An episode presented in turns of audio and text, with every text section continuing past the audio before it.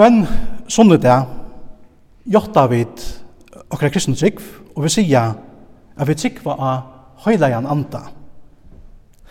Men hvert mersker hekta vi tryggva av høyleian anda. Og i Lutlo katekismus understryker Luther hvert et her mersker, og han sier såleis. Jeg tryggve at jeg ikke av egnom vit etla måtte kan tryggva av Jesus Krist, Herra mun etla koma til hans herra. Men det er en høyla i anden som jeg vil kalla meg vi evangelium. vil lust mer vi gavon søgnon, vil halga meg og hylde meg oppe og tar og røkt og trunne. Lykka som han kallar, saunar, upplyser, halgar, alt hitt kristna kyrkjelige og i heimnon. Og heldur tog oppe og Jesu Kristi vi tar sånn og øynast og trunne, sier Luther. Vi gjør en åren, kunne vi kvarski trykva av Jesus, etla koma til Jesus og hans herra frelso, utan høyleian anda.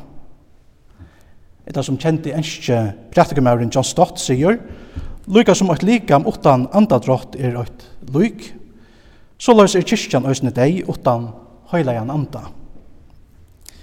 Men god innskjer ikkje eina deia kyrkjo, men eina livande kyrkjo. Tog sier Jesus øyne vi lærersvennerne, jeg vil ikke lette at dere være etter feierløser. Jeg kommer til dere. Og etter er nemlig at jeg, som vi tar til halte av kvittesunnen. God er kommet til okkon, vi høyla om anda, og er lykka nær til okkon som okkar egne andadrottor. Og ta i to og jeg og kyrkjan som høylt hava lot og høyla hon anda, Ta kunne vi døysen jotta og sia at vi tryggva og øyna høyleia allmenna kyrkjo, samfella tørra høylavo, fyrirgjeving sindana, opprøsn likamsins og luiv om aldur allar afr. Her er talan om øyna høyleia og livande kyrkjo, tog at hon hever lot og i høylaun anda, som nemlig er kjeldan av vattnet som Jesus hever lov okkon, og som vettler fram til evigt liv. Heilaver ante er det vattnet som hver øyneste menneske og i hesen høyme hever tørva, for at at rekka.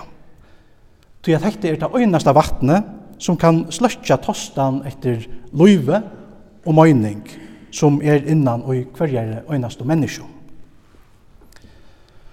Og i apostelsøvne har jeg tørst om kvittesunne i omtre, Og hvordan tungur lukka som av eldre syndust fyrir lærersvøgnen, skyldust sundur og sektust av kvøntørra. Og vi har hørt at lærersvøgnen nu var då fylter av høylaven anda. Etta er auiva uh, oppfyllelse av årenon tja Johannes døyparen ta han poikar av Jesus og sier han skal døypa tikkun vi høylaven anda og elde. Lykka som hessar er sektust av lærersvennanar og av kvitsunno, så la oss grupper og heilar anti øysni inn i løyvet tjatt her og mer, og ötlun kristnun menneskjon. Og her vi øya öll kristne menneskjon øysni lot og tog sama rujtdøm, tog sama andliga rujtdøm. Vi øya lot og tog sama andanon. Og det er en samme i heilar andre som gjer sin gjerning og i okkon. Så heilaver ande gjer okkon til eina, eina ståra familie, samfella tåra og. Men hvem tøytning heva hesar tungunar som lujast elde, kan spyrja. Jeg halte at vi skilja best etter her, og jævsen noe fra tøy som vi kunne lesa om god og i Gamla Testamentet. God er ein god som talar. Han skapar en ta visun året. Etta sykja vi til dømes i samband vi skerpan hømsins. God sier, veri jaus, og ta vær jaus. Så god han er en god som talar. Men han vil òsne settur i samband vi eld. Begge hans er tala og eldur vera til døms lust fyrir jokkon og i kjent og frasøkne om hvordan god talar til Moses og i tog brennande tornarunnen.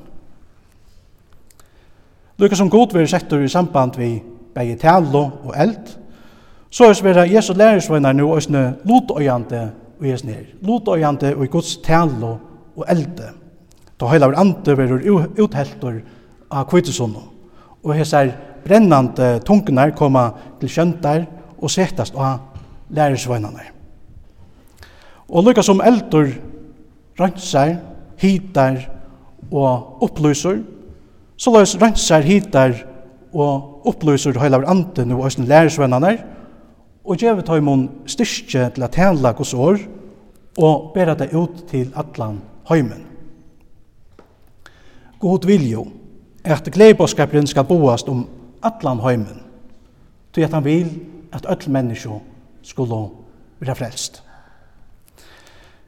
Just hekter er æsne til at uh, lærersvennerne tala av imiskon tungmalum, akvitsunum, så lais at öll skiltu til som tar skjøttu. Gleibåskapen er fri öll menneskjum. Men Jesus enn vær tja lærersvennon, fortalte han dem om det som skulle henta og i nærmast og framtøy. Han fortalte dem om lojinsna som han skulle i. Han fortalte dem om at han skulle dodja, rysa opp og fære heim til feiren. Og hetta gjørte lærersveinarnar av råligere. Til at har høtt å enn ikke fætta hvert Jesus skulle jo gjøknon for at frelsa menneskjo fra tørra sinton. Men alt hetta brøttes og heilar andre blei utheltor av kvitesonno. Jesus han er nemlig sagt vittar, men ta han kjemur, sannløygans ande, ta skal han vedløya tikkun til atlan sannløykan. Jesus uh, fortalte altså lærersvennen om sina bostrufer, men samståndes trøste han tar snu og sier at han ikke skulle lette tar være etter feierleiser. Jeg kommer til tikkere, sier han vitt. Og han visste tar om at han skulle gjøre tar om en annan talsmann, sannløykans anda, som skulle være tjatt tar om atler over. Og dette lyftet var til verløyka, i Jerusalem fyrir om lai 2000 æron sujane. Da lærersveinane var fylter i heilavn anda. Men høyast dette her hendte fyrir om lai 2000 æron sujane, så er kvitesundan som vi hattu er halta i det, ikkje berre ein minningar hattu. Nei, det som hendte ta, er òsne galdande her og nu. Jesu år til lærersvennerne er òsne galdande fyrir okkon, som er hansara lærersveinar og i det. Talsmauren, sannlagas ande, skal òsne vera tja okkon og i allar rævr. Lukka som vi har til å halda jævl, postjer og Kristi himmelsfæra det, tog at hessar hendingarnar ikkje øynast vera nekka som gjør seg galdande ta, men som òsne gruper inn i okra liv og i det. Så er det òsne vi vidjande kvitsunne. Vi tar til å halda kvitsunne, Til at lyfte tja Jesse til lærersvennerne er ta av døvun, òsne er galtante fyrir okkon her i dag. Jesu år er kommet til tikkara, er òsne oppfyllt fyrir okkon. Talsmauren, sannløkkas ante er òsne tja ter og mer. Det er størst. Kvitesona kan altså lysa som tandavren, ta Jesus kjemur, ikkje i holde og blaue, men i høyla han anda. Det gjør han ta, og det gjør han øsne nå.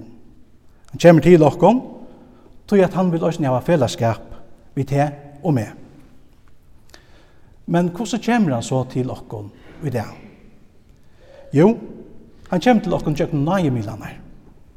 Guds år, dopen og hinna høyla og kveldmaltøyna. Øyne har sagt det såleis. Heilaver Ante er atlastane, men han er virkjen tjøkken og nekker avvisar milar, som ikkje er atlastane. Han er nemlig virkjen og i Krist, uh, Kristi kyrkjon tjøkken og nage milanar. Og må han ikkje bruka tøyr, hever han heldur ikkje vi heilagan anta a gjerra. Så hetta understrykar fyrir jokkon, kvann avgjerande tøytning nage milanar hava fyrir jokkara antliga løyve. At høyra gos hår og, og dauperen og alt er.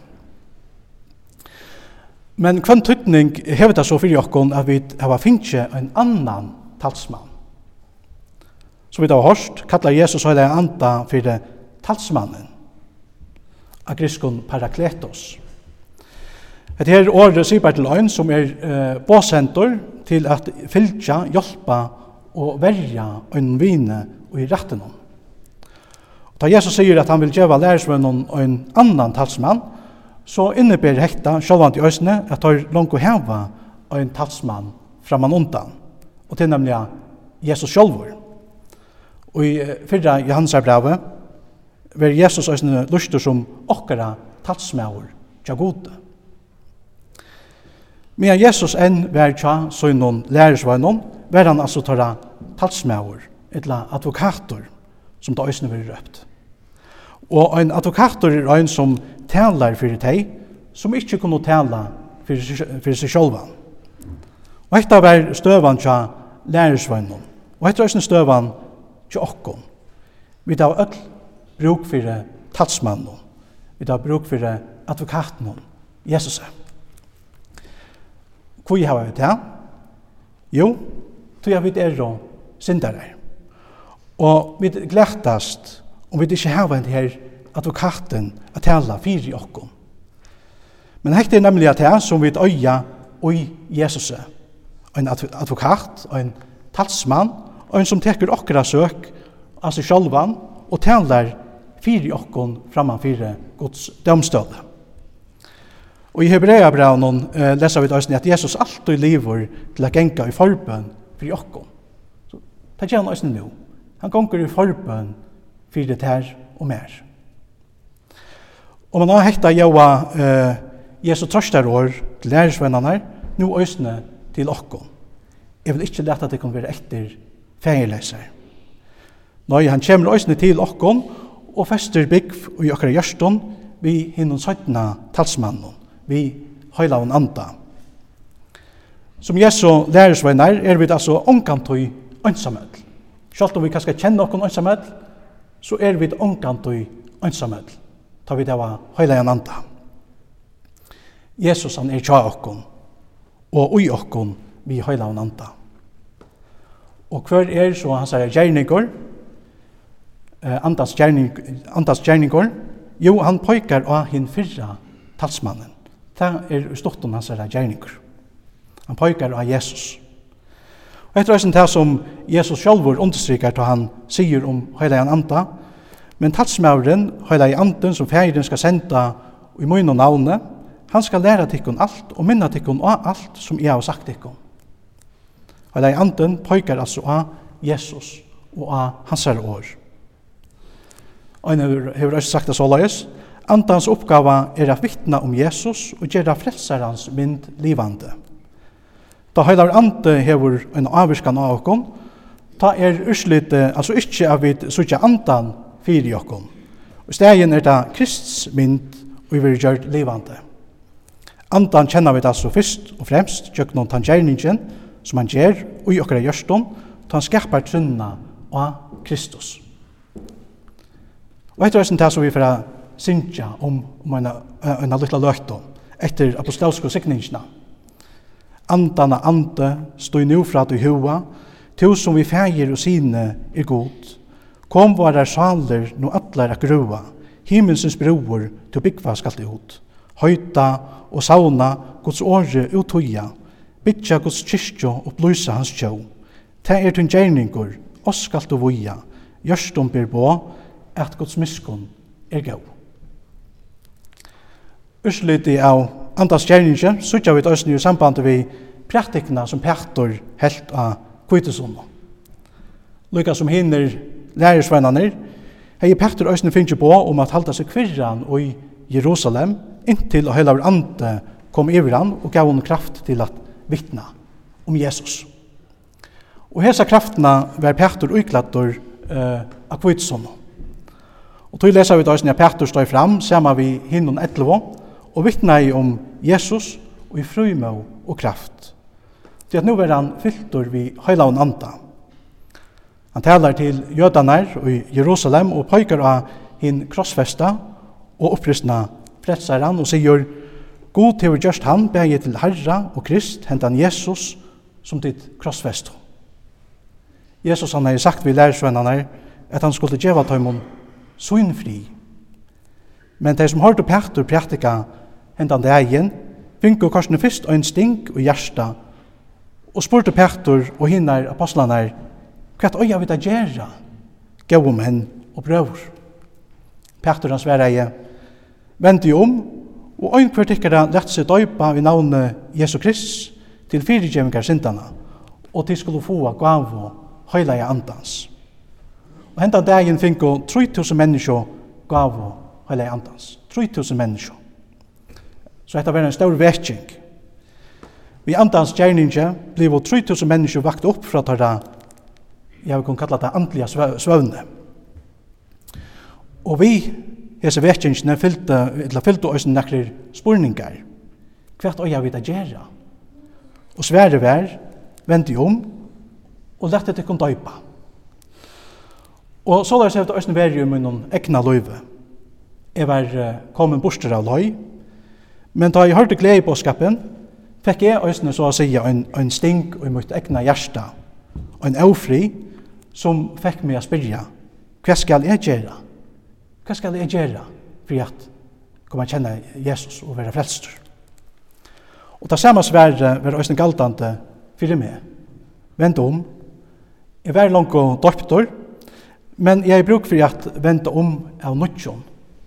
Jeg bruk for at vente venda meg atter til Jesus. Det var som å hele vår ante sier vi meg, vend om, Jonard, flytja til Jesus. Det er bare han som kan gjøre det her, tann frien som to hever bruk for. Så det passer, som Jesus sier, Min fri gjev jeg dikkom.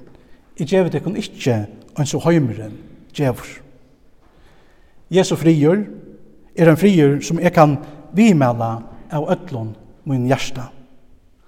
Og då vil jeg også enda vi at uh, lesa i seg innbjøynsna tja Jesus. Han sier, Kom i hier til min, öll tid som arbeida, og genga under tungun byron, og jeg vil veita tikkun kvilum.